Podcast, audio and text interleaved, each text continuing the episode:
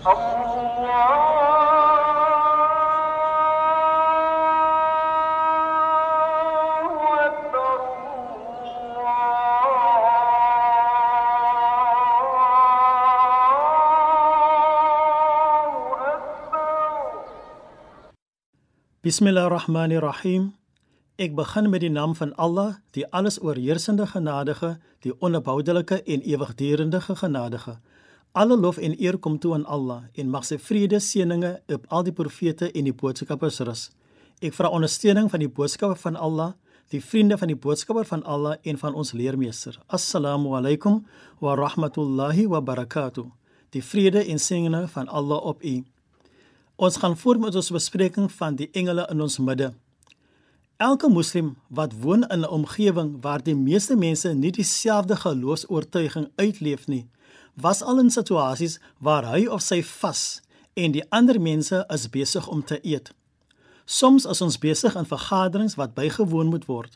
Jy vas en die ander deelnemers eet van die heerlikste geregte. Die Nabi Muhammad sallallahu alaihi wasallam het gesê: Waarlik waar, die engele stuur seëninge op diegene wat suhoor maak. Dit wil sê die oggendete.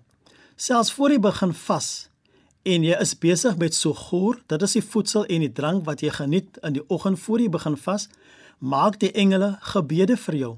Daarom is dit goed om nie die suhoor laat verbygaan nie. Selfs al geniet jy slegs 'n slukkie water of slegs een dadel, maar neem deel aan die suhoor. Die suhoor gee ook voeding vir jou sodat jy genoeg energie kan hê om die dag se vas te voltooi. Die engele maak ook gebede vir die persoon wat vas in die teenwoordigheid van mense wat nie vas nie en wat besig is om te eet. Die engele maak gebede vir die vasende persoon solank as wat daardie persone eet. Hierdie is nie net in die geval van persone wat vas van die maand van Ramadan nie, maar selfs in die geval van persone wat die vrywillige vas doen. Dit was die enige tyd van die jaar. In laasgenoemde geval waar ander mense nie vas nie en jy is besig met vrywillige vas, kom die element van ghurba na vore. Ghurba verwys na 'n vreemdeling of 'n buitestander. In hierdie geval is jy 'n buitestander wat vas en die beloning is baie meer in so 'n geval. So terwyl ander mense smil aan hulle heerlike kos, baai jy jouself in die seëninge van die engele en die vergifnis en die goedheid wat hulle namens jou aan Allah vra. En in die aand, wanneer jy jou vasbreek en iemand bedien jou met iets om jou vas te breek en jy maak die volgende gebed: Mag die vastendes hulle vas met jou breek. Mag die heiliges hulle vas hiermee breek en mag die engele hulle gebede oor jou uitspreek. Die persoon wat iemand anders iets aanbied om sy vas te breek, kry beloning sonder dat daar van die beloning van die vasende persoon weggeneem word.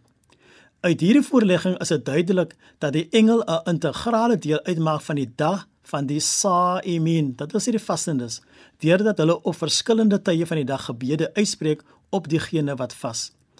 O Allah, maak ons van die opregte Sa'imin en laat ons toe om die vlak van die muttaqin of Godvreesendes te bereik.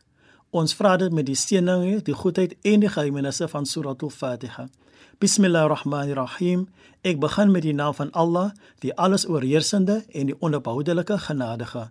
Alle lof kom Allah toe, die Heer van die geskapende orde, die alles oorheersende genadige, die onverboudelike en ewigdurende genadige. Meester van die oordeelsdag, U alleen aanbid ons en U alleen smeek ons om hulp. Lei ons op die regte weg die weer van hulle wie u guns verdien, nie die weer van hulle op wie u toren neergedaal het nie of die weer van hulle wat afgedwaal het nie. Walhamdulillahi rabbil alamin.